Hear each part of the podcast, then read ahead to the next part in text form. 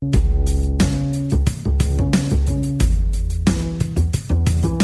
eru Adidas á Íslandi, Netgyro og Tag Heuer Mikkelsen sem færa þér djöflavarpið.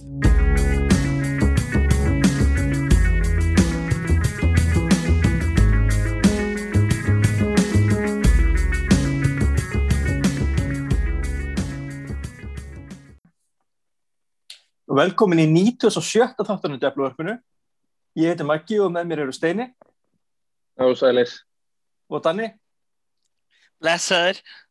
Eru, þetta, er, þetta eru skemmtilega leikir sem við ætlum að tala um hérna aðeins og eftir en hérna, og áður en við skellum okkur í umræfni þá ætlum ég að kynna inn fyrsta styrtaraðalan okkar og það er hérna Tag Heuer á Íslandi og Tag Heuer fæst hjá Mikkelsen 1909 á Hafnartorgi og svo er þetta vesla hjá þeim á mikkelsen.is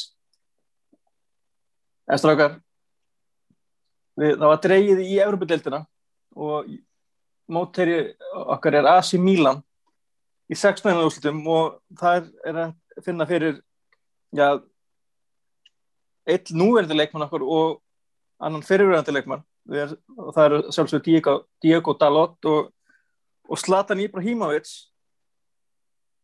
en hérna svo við byrjum kannski bara þér steinir hvernig leggst þessi mótæri í þig? Það var akkurat þannig að saman þá var dreigið, þá var ég að ræða við einhvern í vinnunni hvað við myndum fá. Ég var eiginlega harður á því að við myndum fá Asi Mílan og hann var meira svona að gæla að fá moldi. En séðan var það Asi Mílan og þá náttúrulega byrjaði sem var með Slatan og hann að koma tilbaka og svoleiðis en hann kom held ég frétti núna bara rétt á að við fórum í tökur og þessum þetta að hann verður með í kvorum leiknum vegna meðsla. Þannig að það er ekki alveg sama sjóið þá að fara í gang og hefði verið. Og sér sá ég líka að það er búið staðfest að, að þráttur að Dalot sé á láni þá má hann spila hennar leik. Já, ég, mér skilst að, að, að það sé eiginlega bara hérna, þegar leikminn er á láni frá öðrum liðum í úrúsleitinni og getur ekki spila en ég held að sé hérna, ef það er millilanda, millideilda það sé ekki hérna, held ég. Það getur vel verið eh, að, að, þetta tískist bara innan já, dildana eins og tískast eins og í enn skúrastildinni og Ég, held- ég held sem bara í ennsku úrslitin, ég held eins og í Ítalíu þá getur við bara spilað, ég held að sé eiginlega bara ein, þetta úrúslitin, ennska sem er með þetta fyrirkomulag sem meikar alveg sens ég, þú veist það er Sumum finnst það- samt ekki eins og hérna í íslenska boltanum út að það er alltaf að tala um að þetta sé munnlegt samkomulag út að það er ekkit í reglunum sem segir að og þá er hægt að gæla við að þú veist, lið sem er að lána leikmannin er raun og veru að minka líkur hins liðsins á stigasögnun með því að leifa því ekki að spila ákveðnu leikmannum sem það er búið að tryggja sér. Já, og svo, en svo, svo og, og hinrökin eru líka síðan að, að liða eftir en ekki að tapa á því að bókstæla að tapa á því að lána leikmann. Og líka ef þetta er munnlegt ef það er rétt þá þá viltu ekki vera liðið sem að vera eina liðið sem að fyrir ekki eftir samkomuræna því að þá mun enginn lánaði leikmann aftur. En síðan kom náttúrulega fyrir núna eftir janúar glukkan þá seldi Vestam, Vestbrúins Albjörn Robert Snodgrass og Sam Allardyce talaði af sér að það hefði verið gert munlega af þeir mættust í hann skömmu setna og þá spilaði Snodgrass ekki þann leik, var ekki í hóp. Og Sam Allardyce mistiði út af sér að að það hefði verið munlegt skamkomulag sem er ég held að ennska knatsminu samfandi fór einhvað að skoða þetta. Út af það er náttúrulega má ekki raun og veru. Nei, ekki, ég held sér bara klála ekki það, að- það, voru þá, það voru þá kaup sko. Já, ég, þá finnst maður mjög mjög gráu svæði Já, en svo veit maður ekki hvort að, að, að, að við, veitum náttúrulega vestam þurfti að losa hérna þetta losa eitthvað lánu það ekki til að gæti vel verið. Það er líka Ro- Robert Snodgrass, hann elskar að spila í fallbaróttu, þannig að víst að Vestam var að koma í topparóttuna, þá var hann að færa sig einhvern neðar. já, svo voru ekki, ekki vestam sem að mér líka annan lánu frá vestam sem að þeir keiftu til þess að geta fengið Lingardin þeir voru með einhvern, ég held að það- liðin hafi verið með einhvern leikmann til og frá á láni.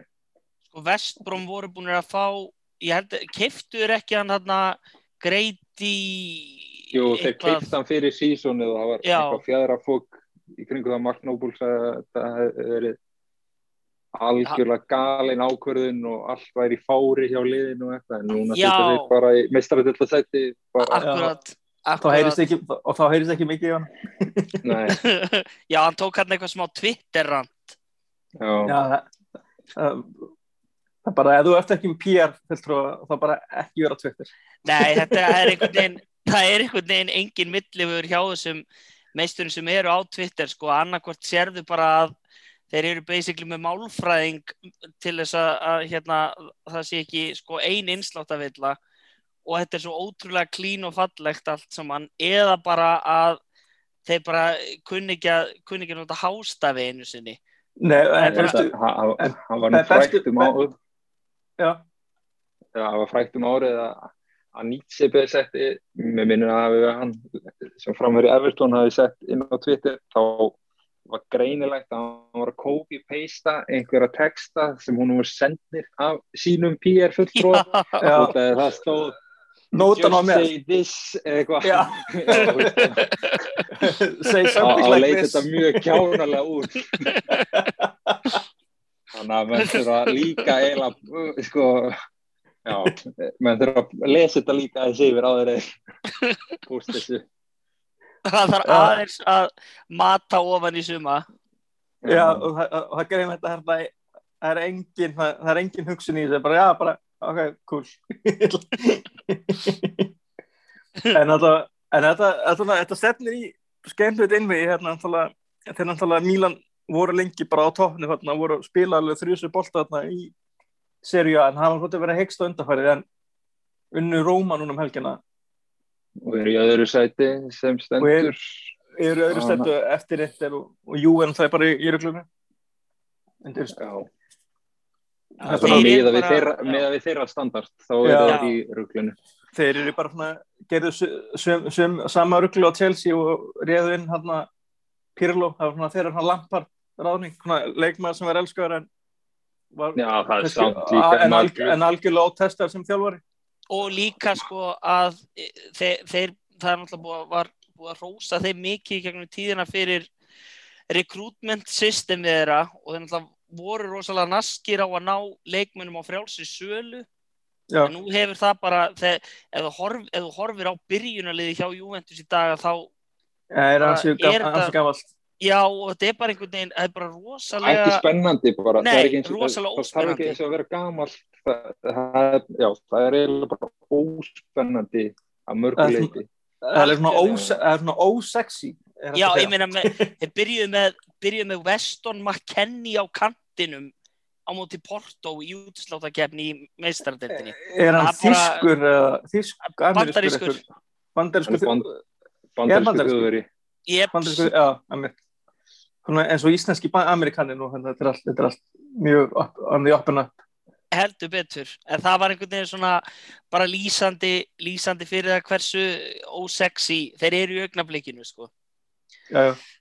En, en þetta, þetta gæti verið skemmtilegt einvegi og það kannski og það verður fráhald að sjá hvað Mílan gera hérna án slatan, en þeir eru alltaf með Andi Rebic og sem að getur, er þetta ekta svona, leik, svona típa leikmann sem getur strítt okkur hundir stór, stór sterkur og, getur, og, hann- og getur spila bara hérna bæði, hérna, bæði fremst og svo bara hérna nánast öllum stöðunum hérna fyrir aftan. Já, hann, er, hann er snöggur.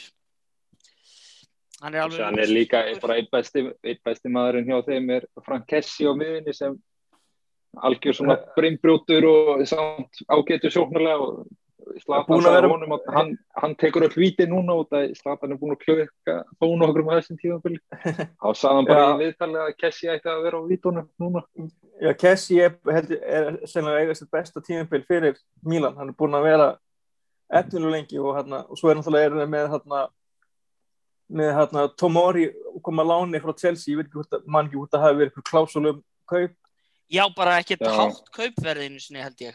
Já, Og svo- ég, ég var að lesa um helgin að Maldini var svona hann var ekki alveg út að hann talaði um að þetta væri í kringum 28 miljónir punta og hann, hann þætti að í hærra lægi Já, ok, já, það er náttúrulega Mílan er ekkert er ekkert eh, rolling in the Benjamins eins og maður segir, sko.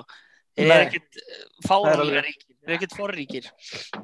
Nei, það, það eru svona, það eru svona, eru svona lið sem eru svona meira svona, svona solvent eins og sagt. En, en svo náttúrulega er annar leikmann sem hefur svona, svona óvænt sliði gegnum og það er hérna Belgin hérna Salemekers, Alexi Salemekers sem var að lána hjá eins og Repit sem voru að lána hjá Mílan og sitt tímili en þótti standa sig það vel að, þeir voru keiftir þannig að svo er náttúrulega erum við Róma Nóli hérna í, í vörninni sem er náttúrulega er sennilega einn af betri varnamönnum í ítlensku deildinni. Já já, og, og náttúrulega Sandro Tonali uh, á miðinni sem að, sem var, var, var þrjú, þrjusukaup líka. Já, er- það er lán en, en, en ég skynst að það sé lán veist, að nafninu til hann sé basically verði geiftur það þykir svona nokkuð örum þannig náttúrulega frá Brescia. Þannig að það er ansjólum og að hann fær þangað aftur. Eins og Pirlo.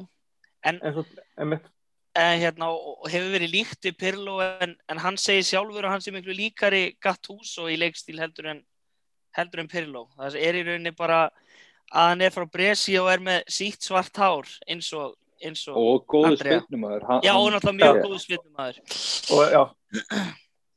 Og svo náttúrulega og svo náttúrulega svona, hérna, franski bakurinn Theo Hernández já, hann þetta er hérna bara þetta er Þeir eru, eru, með flott, eru með flotta leikmenn þarna í fliðu og, og svo er það mér sem eitt norðmann sem að mér skilst að það ekki alveg kannski endilega verið að standa undir væntingum en, en það, væri þá aldrei veit, væri aldrei nema hann myndi Já, ég held að hann hefur hann- hefur samt alveg staðið undir væntingum með að við að koma beint úr norska boltanum í seríuna sko. já, Jens, að hann- Jens Petter hann Hauge. Já. veit en Þannig já, að- hann, hann á öruglegt hann verður alltaf góður í FM já,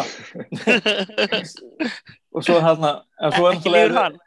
svo er náttúrulega fróð að sjá hvað verður úr hérna, Daniel Maldini sem er nú, hann nú heldur betur sko ættir að rekja hérna aftur hérna hjá Milan. Já, talsveit sóktjárvari en pabbi sinn. Já, en, en hann hefur greinlega e- allan ekki ennþá ákveðið að taka fristinn, hann spilar hann ekki sem varnarmæður heldur svona, svona framlíkjandi leikmæður, ég veit ekki alveg í hvað stuðan er, en þarna, það er í svona nútíma boltan, þá veit maður ekki endilega alveg hvort að menn séu í nýjunni, tíunni eða, eða áttu og hálfu eða hvað það heitir alls saman. Þannig að en þarna, mér skilst að ef hann vill fristinn þá getur hann tekið hann en en annars er hann tekinu á tekinu úr umferð en með þeim skilmálum að ef að sonur Maldini kæmi í liðið þá getur hann tekið þá trið en, en, en, en við vitum náttúrulega að Bjössi myndi að hjarta hótt ef hann segir framherja nummið þrjú. Þannig, það er hálf Vil- ónáttúrulegt. við legg, leggjum það ekki á greið sko, en hann Asamoah Gyan gerði það samt algjörlega sínu. Já, það gekk nú ekki alltaf vel, hann var alltaf ekki ennskap nei, því miður ekki. Með, með, með stórliðið Söndiland já. En þarna þarna Dean Henderson stóði í marki, hefur verið að standa í markir svona af og til þarna undarfærnu en að það tala um að ef það breytist ekkit með markmenn núna í svimar að hann vilji fara svona sem ekkert er stafsett náttúrulega bara náttúrulega bara sögursögnir en það kannski kemur ekkert endilega rosalega óvart ef að það reyndist að rétt. En ég meina er ekki bara, veist, við höfum þetta að tala um það er ekki bara bara fyrir að koma tími á að skipta út en en náttúrulega vandál er að þú þurftir þá eiginlega að losa DG þú getur ekki verið með 300 punda viku launa mann sko að bekknum.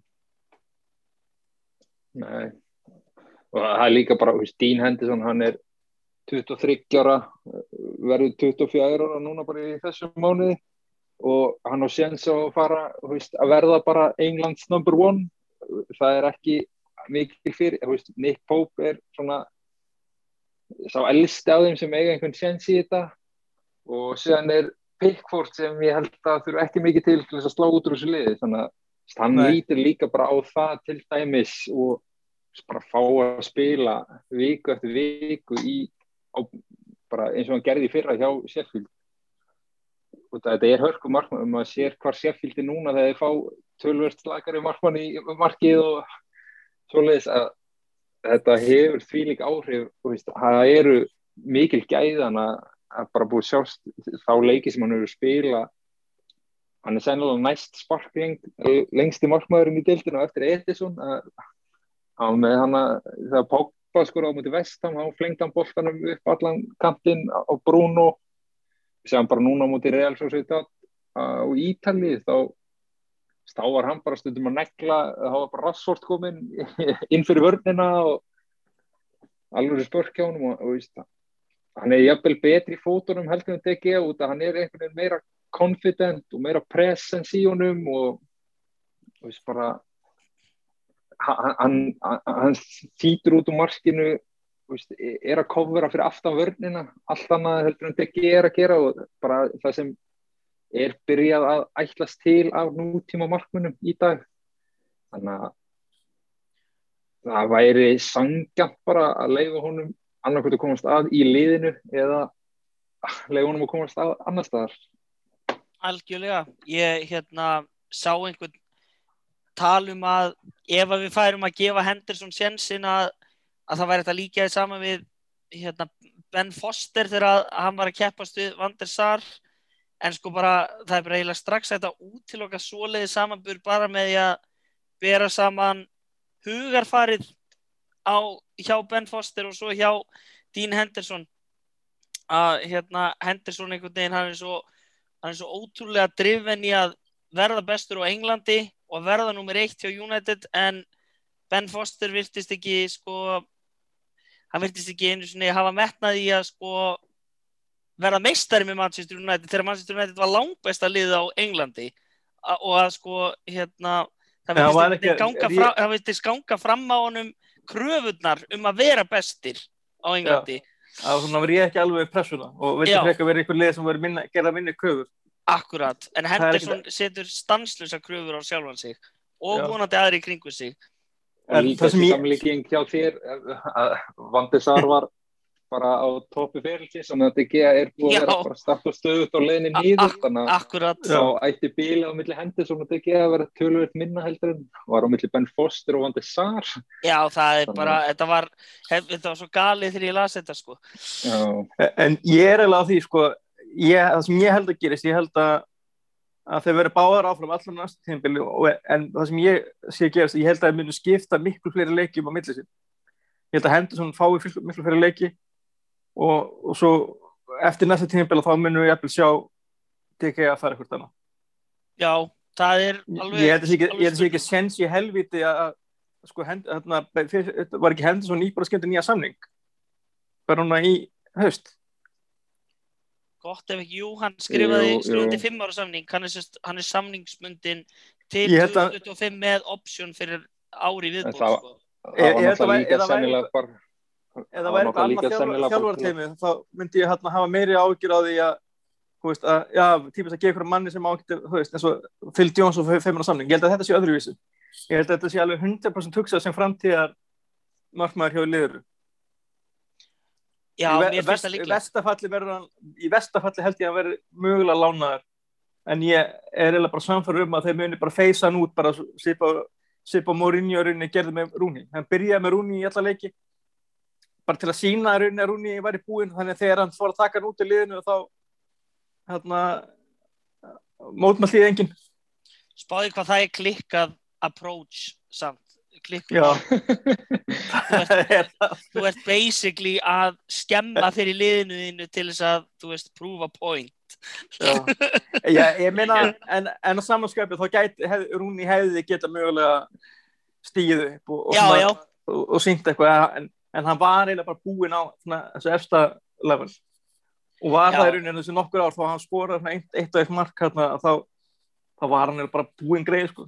Já, hann síðasta góða tímabil var Móis tímabilið sko. Já, hann var basically svo eini í liðin sem átti gott tímabil. Liðið þetta ekki gott tímabil og er einu engin annan. Nei, það er alveg þetta, alveg þetta full, fullin um það. Það er náttúrulega líka svona ef maður horfir yfir að svona, eina von okkar til þess að þessi staði geti komið upp og við losnum við ekki er eiginlega það eru tvö lið svona stórlið sem fara þurfa að vanta markmann kannski. Og það er PSG og kannski Juventus ef að þeir fara að gefast upp á sesti og það er eiginlega gefið að annar lið mun taka Donnarumma frá Ansi Milan. Og þá er kannski ploss fyrir einn dýran, gæja Það er mögulega það er mögulega hægt að horfa á Inter þar sem að hann Danovic er 36 en, en þú veist, en ég menna eins og markmenn eru, eða hafa verið undanfæran ára þá náttúrulega getur hann þess og líka, líka bara markmenn á Ítali líka. Þess að Sessni er 34 ára eða eitthvað 33 en hann geti, Buffon er varamarkmaðurinn sko, hann er orðin velið við færtugt Já, en, en, en náttúrulega þess að með markmenn þeir náttúrulega er markmenn er ekkert endalega mikið að dala en ég veit ekki alveg nákvæmlega svona almennt séð, þú saman sem Vanders að var að spila til hvað, hann var hvað 41 og stærðan hætti. Já, já, og, og hann hætti það sem hann náttúrulega var til þess að hann hætti var að hann, nei hérna konan hans á persónulegum ástæðum frekar heldur en professional ástæðum. Já, hann, var, hann, átti, fannst, hann fannst mann í rauninni eiga meir, eiga, eiga alveg eftir hérna inn á tankinu, menn ég menna en, en United var þá bara tilbúin með DG hérna sem var þá hvað 19 ára gutti hjá Atletico? Já.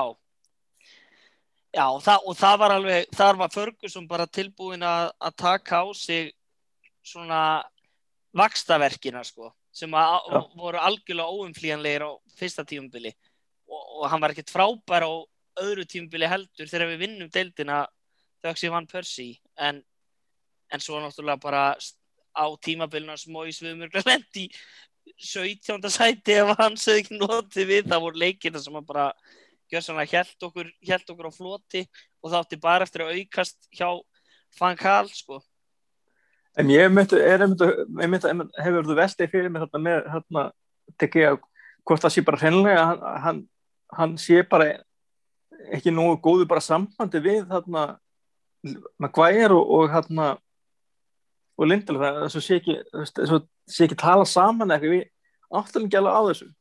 Já, hvort það sé ekki nógu gott svona chemistry eða svona, já, já eða, eða svona, sé svona leikskilningur á milli manna Það er náttúrulega bara þetta það sem maður talar um svona presence, að Henderson eins og þegar hann spilaði hann að leik á mútið Sociedad í Torino þá bergmálaði, völlunum bergmálaði þegar hann gargaði og ma maður heyrir aldrei eitthvað í DG að maður sér hann bara hoppa ja. í bræði sínu þegar hann fær eitthvað marka á sig eða skota á sig sem hann finnst ósangjant eða eitthvað en hann hefði kannski getað komið í vekkferði með að hafa leifbeint vörnum í sinu betur eða eitthvað.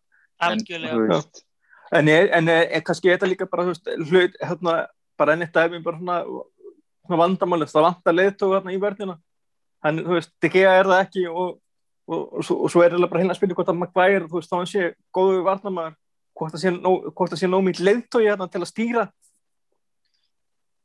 En það, það, er náttúrulega eða þá bara hérna þessi er að spila með hann og séu bara ekki nógu góður til að eða, veist, veit ekki, þú veist, það er náttúrulega við veitum náttúrulega ekki alveg nákvæmlega hvað vandamáli er en við vitum bara að það er ekki alveg 100% að virka. Og svo uh, vantar bara það vantar bara akkerið þarna fyrir framann einhvern, einhvern algjör algjöran gæða leikmann í, í hérna fyrir framann vördina Declan Rice hefur náttúrulega mjög mikið verið nefndur og maður veit náttúrulega ekkert hvað hann myndi kosta en Nei, ekki, eins og hann hefur spilað á tímabilinu að þú veist þá, þá myndi hann smelt passa þarna Það, Já, ég minna, það var ekki verið að tala um að, að, að Guardiola vildi fá sjá, verið með áhuga á ræs? Jú, ég, og ef, ég myndi bara ef ég væri að stýra þetta hjá United fara í, í hérna, stríð við sitt í ummann því að þeir eru, sitt í eru þó allar með Rodri sem hef, hefur spilað ágætla á þessu tímubili. Ég var ekkert sérstaklega hrifin á hann á síðasta tímubili en en hann hefur verið góður eins og þeir eru allir. En það er bara líka að, já. Það er líka smá sem lýsir þessu vesenni með miðjuna statik sem ég hendi inn á grúpun okkar í vikunni að hann að yfir leikmenn hvað eru búin að koma af mörgum mörgum þá bæði þá mörg og assist og sann í build-up playinu í aðdunanda margsins og inn á einhvern top 20 lista þá er, þá er Harry Maguire þar en það er engin miðjum, eða þú veist Bruno er náttúrulega hana, en það er engin miðjumæður í liðin okkar, það eins og þegar við erum að spila mútið minnilegunum þá, þá endar alltaf upp með að Harry Maguire ber bóltan upp öllin eða það, það, það er aldrei miðjumæðurinn Scott McTominay er alveg fín þegar við erum komin á síðasta þriðjungin þegar hann er einhverstað þar en hann er ekkert spes endilega að bera bóltan upp öllin og Fred bara alls ekki. Nei, ég meina það var náttúrulega Hann er ekki playmaker hann, Tom McDominay en hann er svona Nei, hann er góðu til Saints Brooks og það bara vantar þetta púst að þú veist Harry Maguire er að skora svona hátt í þessu út af því það vantar kannski enn millilið Já, tengilið í, bara, Já, tengiliðin í þetta til dæmis að lýsa sér bara í þessum Chelsea-leik og bara stórleikjum yfir höfu og þessu tímafélag að við erum við erum mjög varnasinnaðir og passífir gegn stórlegunum út af því að við bara segjum þegar við ætlum að færa okkur yfir í sóknarhlutan þá sliknar allt út af því þá þurfum við að finna Bruno og þá er það bara restin sér um þetta, þessi fremstu fjórir og miðjan og vörnin bara eru tilbaka þrátt fyrir að Harry Maguire er með þessa statik og eftir Newcastle-leikin þá sá ég aðra statik að Luke Shaw er með flest sköpuð færi af varnamönum í dildinni sem hann finnst ótrúlegt með að við umræðana til dæmis með Cancelo þegar maður sé sitt í að hann sé ekki þar en veist, varnamönum okkar er að bera frekar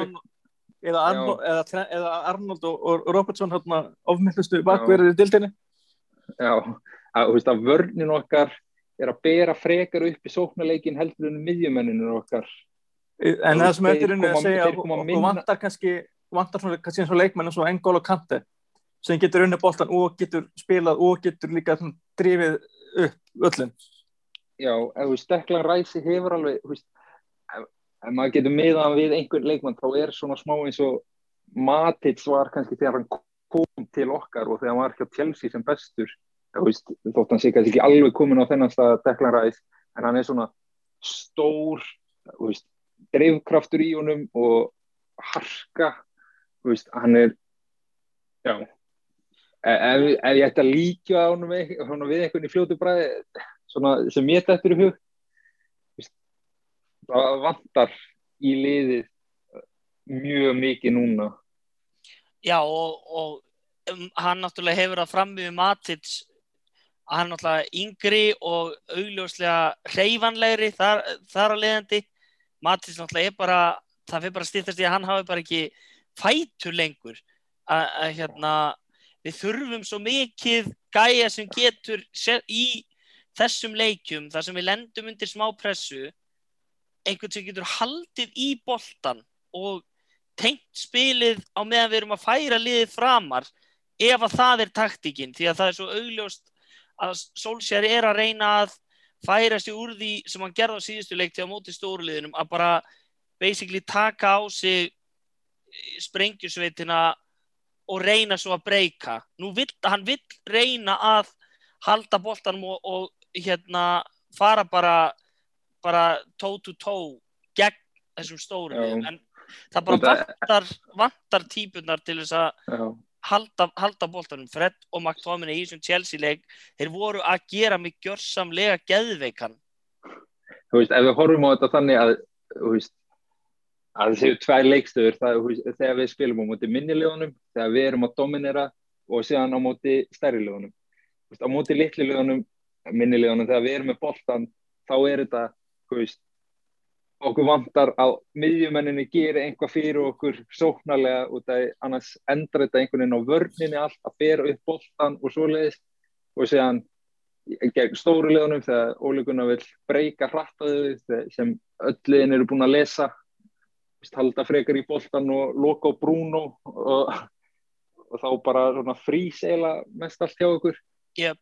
að, að, að þessi miðjumenn geti teint eins og við erum, já, eins og við erum búin að segja þetta. En náttúrulega, hérna náttúrulega gerir náttúrulega hún núna þannig að þegar, þegar það vantar Pogba.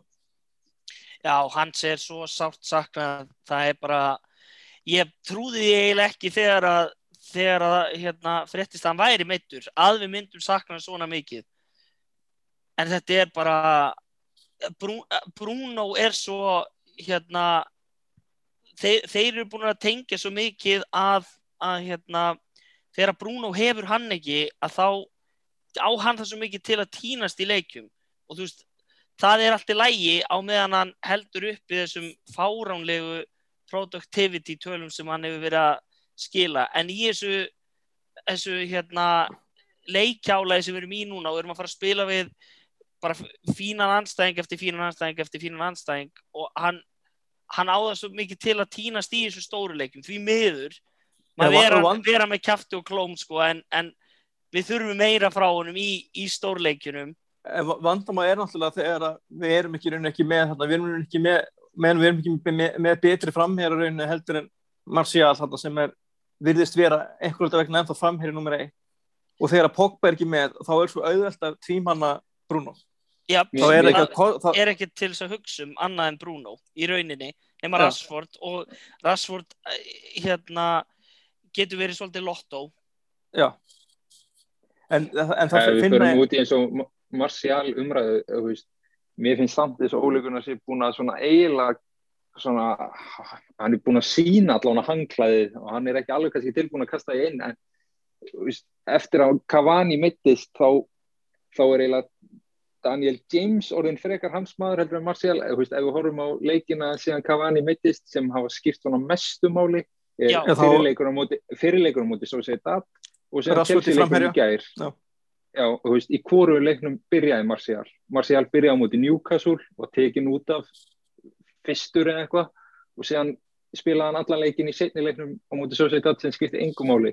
Þú veist, Daniel James er búin að byrja fjóra leiki í röð.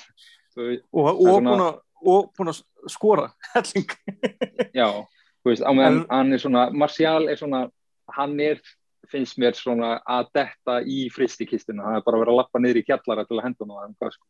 en, Já. svona, en, þarna, en það finna er sko með þetta lið að þarna, finna að segja að því að við vitum alveg, við erum búin að spotta að það vantar hæri kantmann það vantar djúpa miðjumann, það vantar miðvörð en það finna við fótbollan er ef, ef, að- ef við fengjum inn Holland til dæmis bara, þann, bara, sem bara skorar bara eh, eins og hann borgar fyrir það því hann fær borgar fyrir það en hann það myndi, bara það myndi ekki helling fyrir liðið eins og það er núna. Og þyrftir henni ekki meira heldur bara, einn, sko, bara frábæra markaskorara. Já, og, það- og, og, og horfum mikið svo leikjum bara hversu mörgum færum hafa Rashford og, Martial brent af? Algjörlega. Eitthvað, færi sem ætti að vera að á sama þetta sinni sama sinni sem Rashford komið með átjón mörg á tímabilinu og meðan Martial er hann er ekki held ég komið með fimm sko. Nei.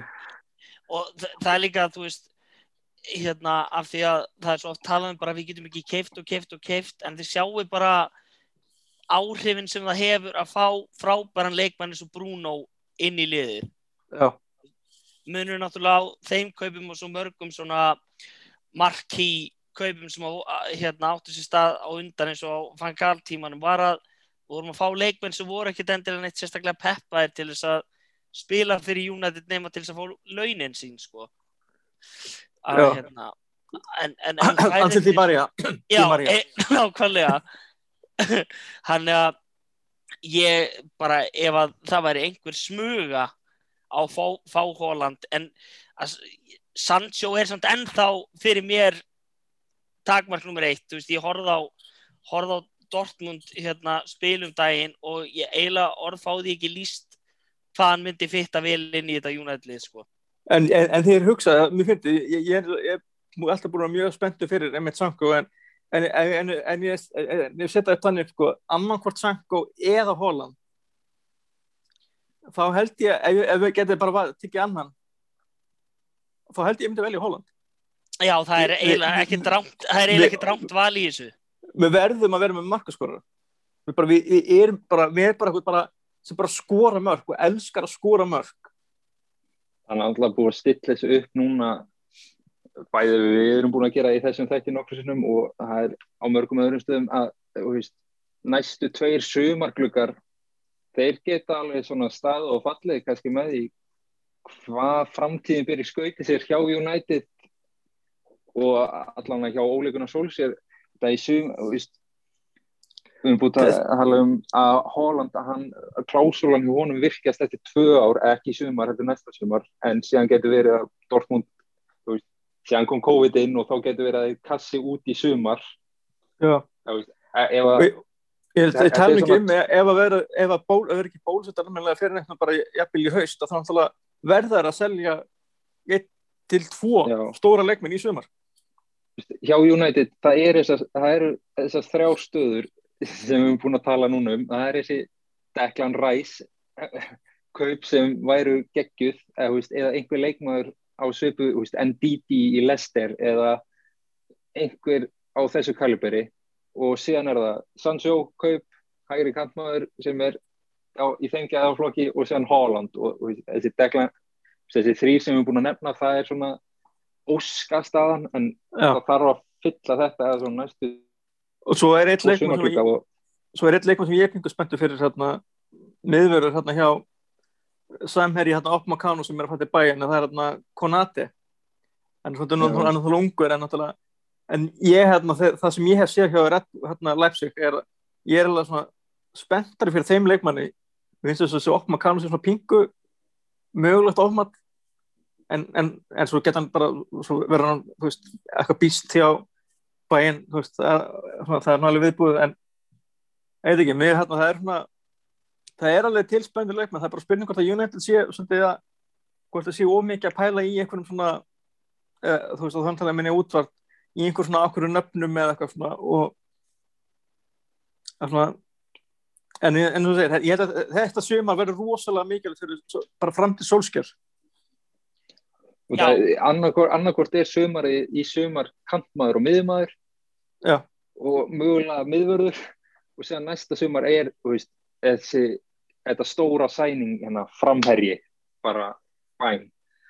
Ég, ég, ég, held, ég hugsa að, það, að næstum sem að verði að verði tveir að verða tvö stórkaup það verða að tvö, eða, eða verða ekki tvö stórkaup og þá er þú veist, og þá er stjórnin þá sín, eða stjórnin bara heimlega að sína það bara í verki að uh, séu ekki standa bak við stjórna því að það vantar í rauninni fjóra stöður til að vera bara, veist, bara bara raunsar það vantar, það vantar, það vantar hérna miðvörð það vantar hérna djúpan miðjumann það vantar framherja og það vantar hæri gaman og við náttúrulega vitum ekkert hvað verður úr veist, dialóg getur orðið eitthvað en hann er samt bara 18 ára gaman ég ætla ekki Já, að gera ráð fyrir því að sé eitthvað til það er engin pressa að- það er engin pressa á Diallo að springa út á næsta tímabili nei, það er enginn sem að býst við því. Ef það gerist þá er það náttúrulega bara geggjað en, en bara leifa honum bara að fóta sig í, á, á hérna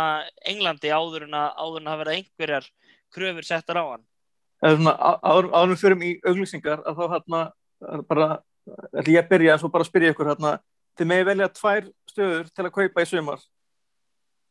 Og hvað, hvað veljið, byrjum á þér Danni uh, varnatengiliður og Ræs er maður sem ég hef í huga og svo hægri kantmaður eða, eða kantmaður, Sancho getur spilað spilað alla línuna í raunni þannig að ég, ég segi bara Sancho og Ræs tveir enski leikmenn það er bara pluss ok, að steini uh, ég er eiginlega sammála danna og það er líka tveir ennski leikmenn. Það er svona taktikinn sem eða svona taktik, það er kaupstefna sem Óli Gunnar hefur verið að fara eftir að svona já, þessi kultúr að vera með veist, liðið okkar er samanstilt af mjög svona breskum mönnum.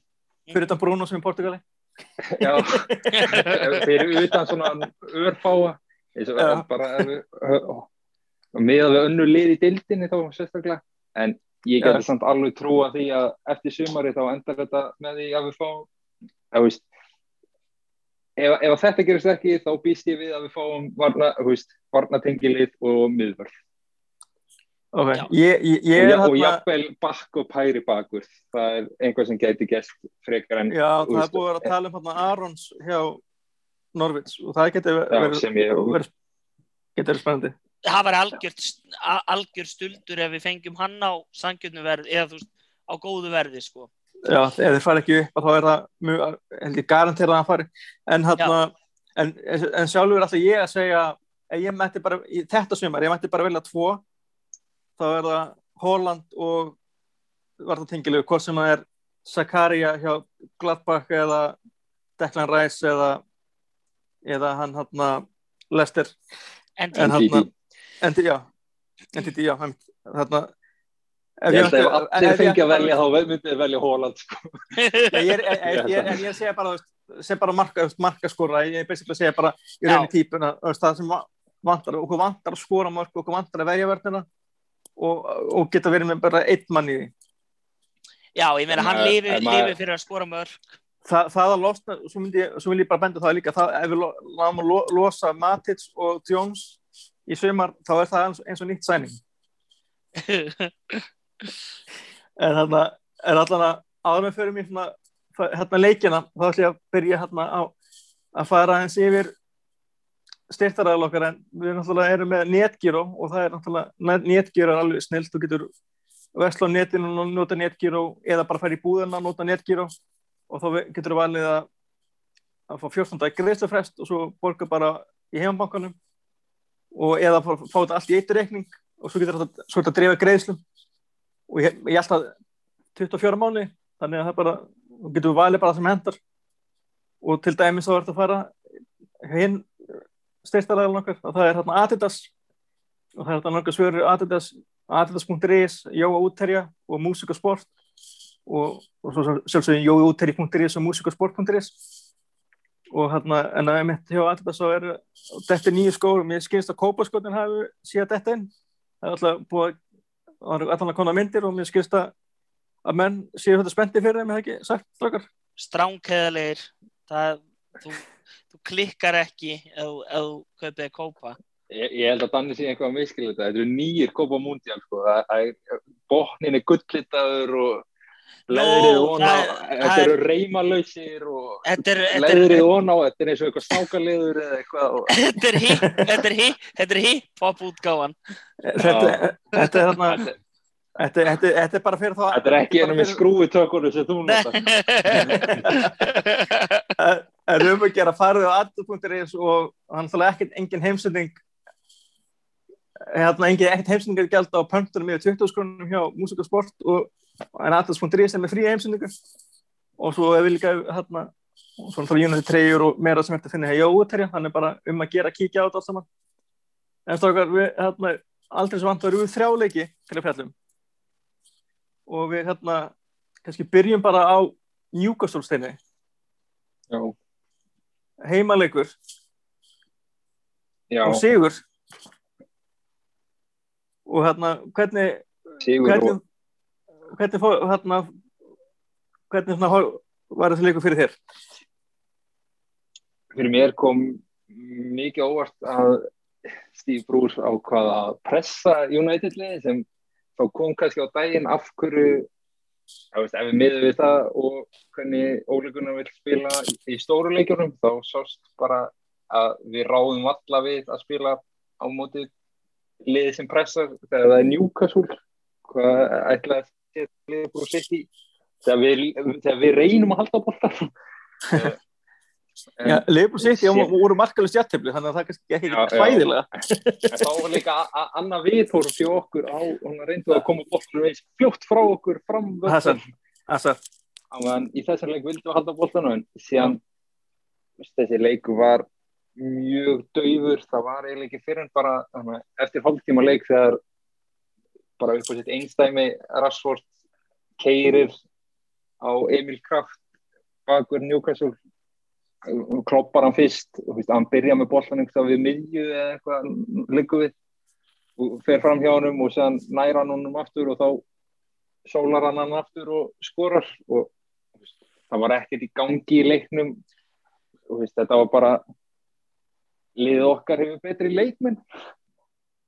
Betri leikmann sem síndi sig bara hana og síðan skora þeir eftir fast leikatri sem er svona mér finnst við fá á okkur ansi mörg mörg úr fyrstum leikadrum það væri spurning hvort að þau væri færi ef að Dín Henderson væri hana alveg gæði sem var að grípa bollana en þú veist já, það var ekki það var ekki mjög samfærandi uh, og séðan það skoruðu uh, í setnáleik Newcastle voru, ég held áfram pressa í setnáleik en við séðan skoruðu Daniel James annan leikin í rauð og eftir það var þetta orðið nokkuð þægilegt. Og ég held að báðir, báðir ungu strákanir fengið að spila í þessu leik Sjóri Týri og Diallo komum báðir inn á Fernandes já við fengum víti kortir og eftir og það var svona sildum þessu heim bara svona síðustu síðasta hálftíman eða svo eftir svona kannski erfiðan fyrirhálik það kannski spila vinn í að spila ofta inn í þessum Evrópadildaliðum sem við erum í þetta tímabilið. Leikir eru á 50 dugum já, og svo spila á sunnundegi já, en þótt að þetta var ég held að hann byrjaði kring 7 á sunnundegi allan á okkar tíma. Sami tíma Tottenham lendi til dæmis Tottenham lendi fyrra á tímabiliðuna að spila í hádegin á sunnundegi eftir að hafa verið í Rúmeníu eða eitthvað á 50 degi við hefum lendið í seipu já. Ég náttúrulega jinxaði þetta Daniel James mark svo ummunaði. Ég tvítaði bara örglega svona einn sko, ein og hálfri mínútu áður en hann skoraði bara Solskjær þú verður að taka Daniel James út að þetta er átakanlega lílegt eða eitthvað. Þá var James búin að vera sko hann var valla búin að klára sendingu. Það var bara, hann var ekki á sömu bylgjulengt við einn einasta leikmann í, í sínu liði. Það var alla sendingar annarkost allt og fastar eða alltaf fyrir aftan leikmenn sem voru þá byrjaði að taka hlaup en hann held að viðkomandi vildi fá hann í lappir og það var í eitt slíkt skipti það sem ég, uh, það var kottið sem fylgti mælin en svo mér, mér, mér skilst ekki að það hafi ekki verið skotið til sending. Já. Það kæm ekkert óvart en það var bara, það er alltaf gott þegar menn þegar menn reyka eitthvað svona ofan í mann. Maður er aldrei óanæðið með það. Þá er maður, þá er maður ángur villigötu sem stuðningsmaður allavega. Það er eftir, maður stýðir alltaf sína menn algjörlega. Maður stýðir bara það lið sem er inn á það er bara já, já, annað það anna verður að það. verður að gera það. En, en rú- mjög gaman að sjá Sjóri Týri hérna, kom inn í þetta lið. Og hérna, sem við erum ekki bara að sjá mikið. Þetta er ekki, svona, þetta er svona ekki mikið svona sample size. Það var skemmtilegt, skemmtilegt líka af því hann er, hann er frá Newcastle sko, þetta er Jordi. Þannig að það er bara, var bara svona tákgrænt að það skildi vera gegn Newcastle sem hann spilaði fyrst en hann var bara, reyndi bara að komast ætla sé nefndur í höfuð á legendunum það, fjóla mjópi og Já. Og ef hann, ef hann verður ef hann verður helmingurinn að því sem að sjólaða með Óbí var að þá, þá verður þetta legend þjó United. Já, þá er þetta success. fyrir, fyrir, fyrir hvort United Já, það er nú spurningin, vonandi okkar. En allavega, þetta var þetta var þetta var, þetta var þú veist, með fullu veiningu fyrir Newcastle, þetta var skildisugur og það er glóksum skaman að vinna þessa, vinna þessa skildisugur Já, það hefur verið vesen. Það hefur verið vesen. Guð minn almáttugur. Þannig að þetta hefði litið einstaklega illa út ef það hefði bara ef sérstaklega þetta hefði eftir tapast. svona kannski síðustu tveir skildu sigrar og undan þessum leik voru allt annað en sigrar. Uh, jafnir Já. búin til Vestbróm og síðan tapið á móti Sheffield. ef Sem var svona dóm- um sem var- Já, það er sem við- Sheffield sem að sem við verðum að vinna. Á 2-1 hafs með, með réttu hefði að vera 2-0 sigur ef að, ef að domgjastlan væri í lagi en það er það eins og það er dóngeslega aðeins á eftir. Já, já, við fórum sannaði því miður ekki. En þegar að maður vill að helst ekki dvæla yfir dómurum þannig að það ég veit ekki hvort að við, viljum taka, taka mikið en að sósét allir þannig að það var setnilegur náttúrulega vinnu fyrirleikin úti 4-0 Já, og, það er þetta var- og menn voru, þetta er fyrsti leikur sem að Maguire var kvildur og Það er þetta að renni við þann leik á, á tíu sekundum. Það, já, svo Bara- það fengu, fengu víti klúðruðu Já. víti og meira gerðist ekki. Það Jú, Lindelöf gaf leikmanni nýjarsparki Jú, alveg rétt. Þegar eitthvað, hann- hann tók eitthvað stökk eins og Cristiano Ronaldo eða Lebron James að tróða eða eitthvað. Já, hann var semi eins og Michael Jordan í Space Jam bara það var alveg Með- svif á honum. þá. með, Og- og- með og- og- Anderson Silva Þetta, þetta, Dassi. þetta, verður, þetta verður í fyrst og síðast skipti sem að Lindur hefur líkt um Michael Jordan held ég en, já, allir það ekki en, en, það er kannski þarna, skemmtileg með þetta víti sem við brentum af að á, á Jörsabæli með þetta er leikmann sem að í einhverjum sluðumilum var verið orða á United sem möguleg kaupi sumar en, en hann var búin að fyrir, ég, fyrir þennan leik búin að skora um 16 vítum í röð það er Og alveg getur Dean Henderson tók hann á tögum. Já, nákvæmlega en hann, hann var búin að æfa það með fyrir augum að, að Degea er í að- að hann hafði slegin út af læ- út af læginu en allavega Koppið og allt, en eldi yfir.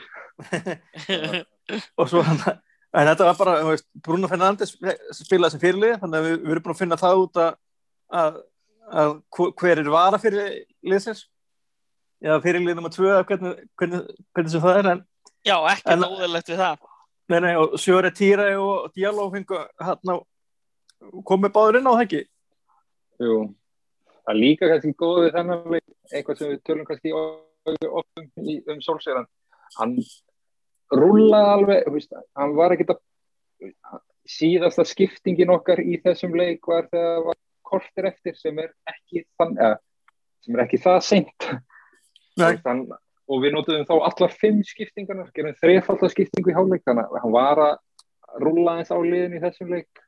bara, það bara ein- komið veg fyrir meðsli og bara, þetta er bara formstættri það var ekki Já. að taka ykkur að sensa bara, þetta Nei. er bara fullkomlega eðlilegt að með hvernig okkar fyrirleikum var örugur það var engin ástæð til að vera í ykkurum glórium. En svo mættu við Chelsea og sáleikur þegar það er tekið upp þá fór sáleikur fram í gær. Og það kannski það stærsta atveki í sem frekar leiðilega leik er að, að það er enn og aftur hérna var og, og Jón þetta að, hérna fá víti sem að ekki hafa víti sem er hefðu átt að fá eða hvað, það verðist engi vita ekki einu sinni hérna Dale Johnson hérna sérfræðingur í ESPN og Twitter sem hefur alltaf, fer alltaf yfir hvernig einustu viku fer yfir vardóma og útskýra það fyrir og útskýra rauninni af hverju hérna Maguire átti aldrei að fá raukt og að því hann rauninni gaf ekki olbáðin í alltið á í þetta njúkvæmsuleiknum og enda var enginn í þeim njúkvæmsuleginu sem bað um neitt í því aðtöki þannig að það kannski hefði þetta að segja mennum eitthvað líka. En ég mælu með að mynda að kíkja á held, í, hvort það sé sé Dale Johnson í ESPN eða eitthvað svoleiðis á Twitter. En hann fer yfir hérna yfir hérna alla leiki. Og þetta er, hann er ekkit, er ekkit United fan, hann er bara, er bara svona sérfræðingur. Og hérna og með þess að hann gæti eiginlega ekki útskýra af hverju þetta var ekki viti eða, Eina, eða, af eina, hverju- eina, eða hvort, hann gæti ekki sagt hvort það verið rétt eða ná hann gæti, hann gæti ekki, ekki sagt að, að þetta var ekki viti af því að eða þetta er viti af því að. En þetta sýnir kannski bara svolítið Mark Klattenburg, Mark Klattenburg er búin að segja að það að sé, hafi verið ráðgáta að Jónat hafi ekki fengið víti. Það er sem að höndin er í ónáttúrulegri stöðu mjög Og- svo. og, og, Chris, og, og Chris Kavanagh sem var vardómar í leiksins taldi að Stuart Atwell væri að missa af vítaspinnu og gaf honum tækifæri að horfa á þetta aftur í skjánum á vellinum. Þannig að það er það er eiginlega lígilegt að hann hafi ekki komist að þeirri niðurstu eftir að hafa ráðfært sig við vardómar í leiksin sem að talda um vítaspinnu væri að ræða. Þetta, eina ástæðan af hverju ég heist að þetta var ekki dæmt við viti er út að höndin er að færast frá boltanum sem er samt alveg glórulaust út af því eins og þú segir höndin er í algjörlega ónáttúrulega stöðu Já, akkurat, fyrir- og líka Og síðan- að það er búið að taka ásetning úr ásetningu skiptir ekki í lengur máli þegar kemur hendi. Nei. þá hann sé að færa af hendur frá ekki ef þetta er hendi og hendin er óntilega stöð þá er það viti Já, og síðan er sko næsti punktur sem er af hverju hann dæmdi ekki vitið sem var ástæðan mögulega af hverju hann dæmdi það ekki sem Luke Shaw nefndi í viðtali eftirleik að þá var Harry Maguire einhvað að pöngast í dómarunum hvað af hverju þetta hafi verið dæmt viti og þá hafi hann sagt að þetta hefði, myndi vera svo þetta myndi vekja svo mikið umtal já, controversial uh, veist, ef Sem þetta þetta hefði verið gera. viti Já, Se- Mér- Já, sem þetta er eiginlega bara algjörlega veist, eina, ein, ein, eina conversationi sem yrði eftir þetta væri United er búið að fá svo mikið að vítum. Já, það er eina sem myndi verið gangi. Að það væri ekkert eitthvað, ó þetta var ekki víti eða eitthvað, það væri engin það- umræða Nei, það er, finnst, ykkur, finnst ykkur ekki það þannig merkileg, merkilegt við alla umræðina það er ekki að, hérna, að ég nefndi sé að fá GM sitt eða bara að fá svo mörgvíti það er ekki, veist, það er enginn að fara yfir veist, er þetta ekki víti?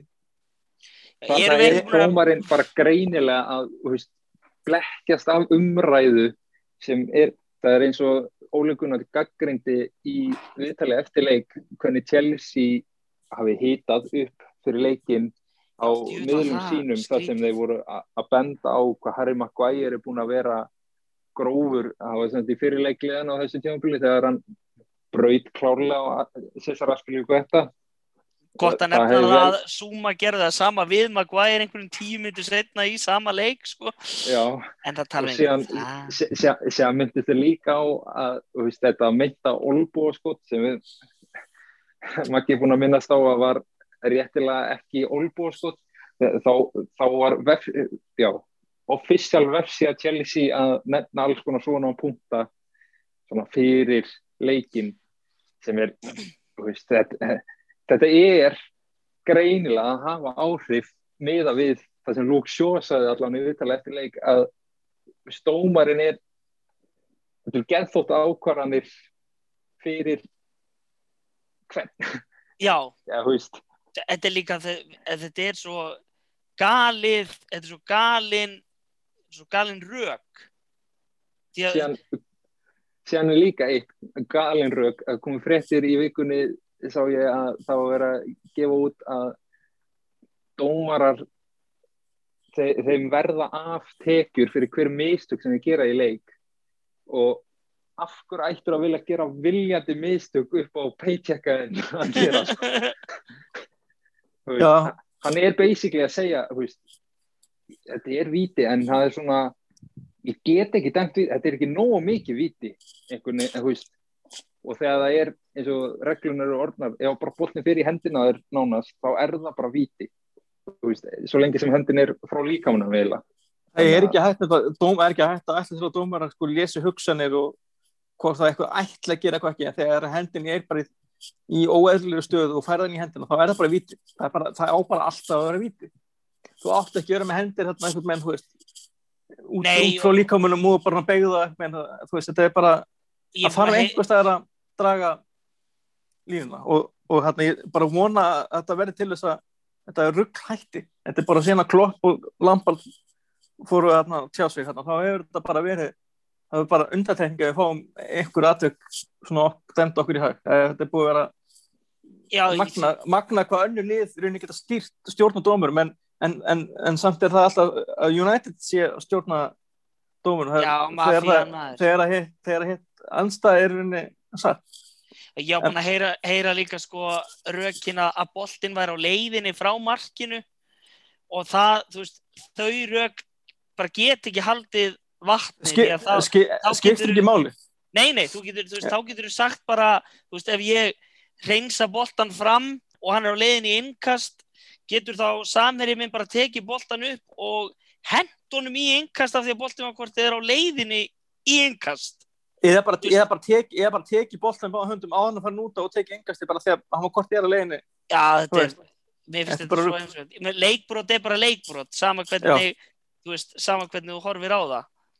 veist, það skil ekki máli þú veist, ef, að, maður stendur tegast í baki marki en þú það niður, þá er það bara víti Já, já, bara þú hundra. veist, það, það, það er ekki hægt að fara í eitthvað svona einhverju vittlisu til að réttlega slæma ráðfærðin Nei, en þarna- en að samanskapi við bara, við hefum bara að vera betri. Við hefum En- bara að, meina við En það- fengum sjens það að er sorglega, en það er kannski bara sorglega við hennar leik er að þetta er eina afvikið sem er til að rækka í svo leika því að það verður ekkert að frétta Nei, nei, ég, það kemur bara, kemur þarna sjens í lokin þar sem að United er með held í þrjá eða fjóra á sko blúsandi siglingu í átta vítateg Chelsea og hérna McTominay er með boltan út á kantinum eftir geggjaða sendingu frá Fred, við erum að gefa Fred það. Að ég, það bara það er mér einhvern veginn svo algjörlega fyrirmuna að skilja hvernig McTominay ákveður að vænlegasti kosturinn til þess að setja boltan á sé Martial sem er basically að koma í setni bylgjunni og Kanti er að blokka á akkurat þá sendingalið Daniel James er að koma á sko blúsandi signingu á fjær og, og, að sko- og hefur verið að skora mörg Já, og Rashford við hliðin á honum í, í hérna álíka vænlegri stuðu sendingin kom of snemma fannst mér í fyrsta lagi. Og, og hún var náttúrulega ekki nógu góð. Og þetta var bara einhvern veginn það er svo leiðilegt að þetta sé basically eini eini svona alvöru sensi sem hægt er að tala um Fred var Já. þetta mjög náttúrulega að skora með hægri það hefði verið sagði til Það- næsta bæir og þar næsta sannlega Já, bara næ- næsta sólkerfi nánast. Já En þannig að þetta bara þetta þarf að vera betra við þurfum að vera betri í þessu stórleikin það, og þeir eru nú nokkru að koma, koma þannig að er n- Næsti leikur er Kristal Palace og séðan koma fimm eiginlega mjög stórir já, í kjölfarað á því. akkurat, það- Það er, Það er City, Milan, West Ham og svo Milan aftur og svo aftur Leicester. Jeps. Þetta, þetta, þetta verður ákveðin, þetta verður snúin törn. þetta og fjör. En lenga, við getum alveg huggað okkur það að þessi lengar sem er búin að vera frábærum Ham, hann fær ekki að spila mótið okkur. Þannig að það er ágætt.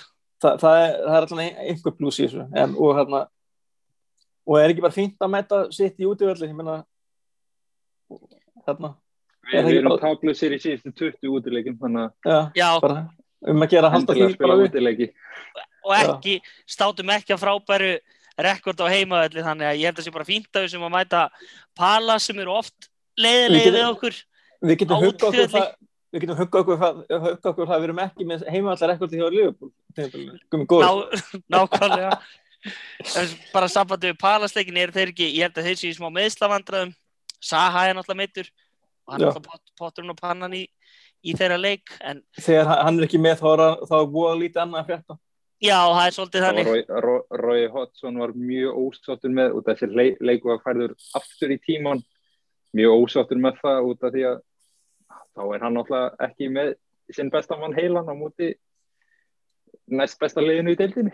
Já, akkurat, að kvarta yfir því sem er skiljanlegt. Ægi Uh, minna, Þeir fengu, þeir einhver fengu stað þurfa að leikir að fara fram. Já, við unnum okkur inn smá karma á móti Kristal Palace með víta spinnum farsanum í opnunarumferðinu okkar þegar að Lindelöf fekk á sig fekk á sig hendi og, hérna, og þeir fengu síðan að endur taka spinnuna sem að var, var alveg á grensunni fannst maður Já, og, það og, var og, og skipti um spi, hérna, spyrnum sem maður, maður sér einhvern ekki gert. Hérna, sem er einhvern ekki gert. Það er ekki banna, en það er einhvern ekki gert. Nei, þetta var, þetta var fjör þetta var dásamlega leið til þess að byrja deildina. Mjög, mjög sangjant og einmitt liði sem, er, sem á að vera með dómarn í vasunum. Já. Já, þetta er bara þetta eins og, eins og allir segja, þetta jafnast út. Við fáum dóma með okkur en við fáum svo sannlega líka dóma mót okkur. Heldur betur. En þarna stókað takk kærlega fyrir samveruna og við minnum á rauðdjöflug.is og þar verður uppbytun og, og leikskísla fara á leik Krista Palas og City og, og rinni bara og rinni bara öllu lengjunum sem eru framöndan og hérna og hérna við hérna verðum með ykkur já, já, líklega sta- næsta mándag en við sjáum til, takk fyrir. Bye Takk fyrir